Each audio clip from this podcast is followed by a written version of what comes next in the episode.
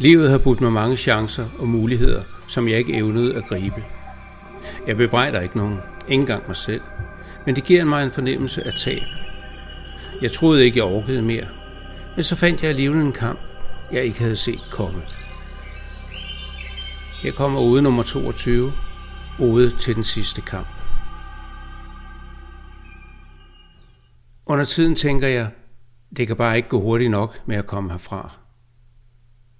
Hvordan kan man komme så vidt? Sætte så lidt pris på sit liv? Det er jo ikke fordi, jeg ikke har udrettet noget. Det er ikke fordi, jeg har manglet succes. Selvom den ikke kom i de mængder, jeg havde ønsket. Og jeg skylder ikke skylden på nogen. End ikke på mig selv. For jeg gjorde mit bedste, jeg mere til, hele vejen igennem. Men på trods af min evige kamp, allerøverst på barrikaderne, faldt tingene aldrig rigtigt i hak. Det var okay, så længe nye slagmarker kunne åbnes, og nye forhåbninger kunne næres derved. Og så længe jeg kunne udsætte den smertelige erkendelse af, at heller ikke denne vej førte til det store gennembrud. Men nu er jeg træt. Godt nok fandt jeg her på det sidste en ny og spændende slagmark i et helt ukendt territorium og med vanlig utålmodighed og ilhu kastede jeg mig ind i kampen, og det lykkedes, på trods af udbrændthed og low spirits, at mobilisere mine sidste ressourcer. Og nu oplever jeg, at denne kamp giver mig de største belønninger af dem alle.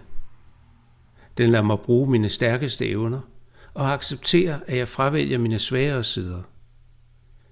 Og selvom der hyppigt er hårde træfninger, så viser den mig sider af mig selv og af livet, som jeg gerne havde kendt lidt før.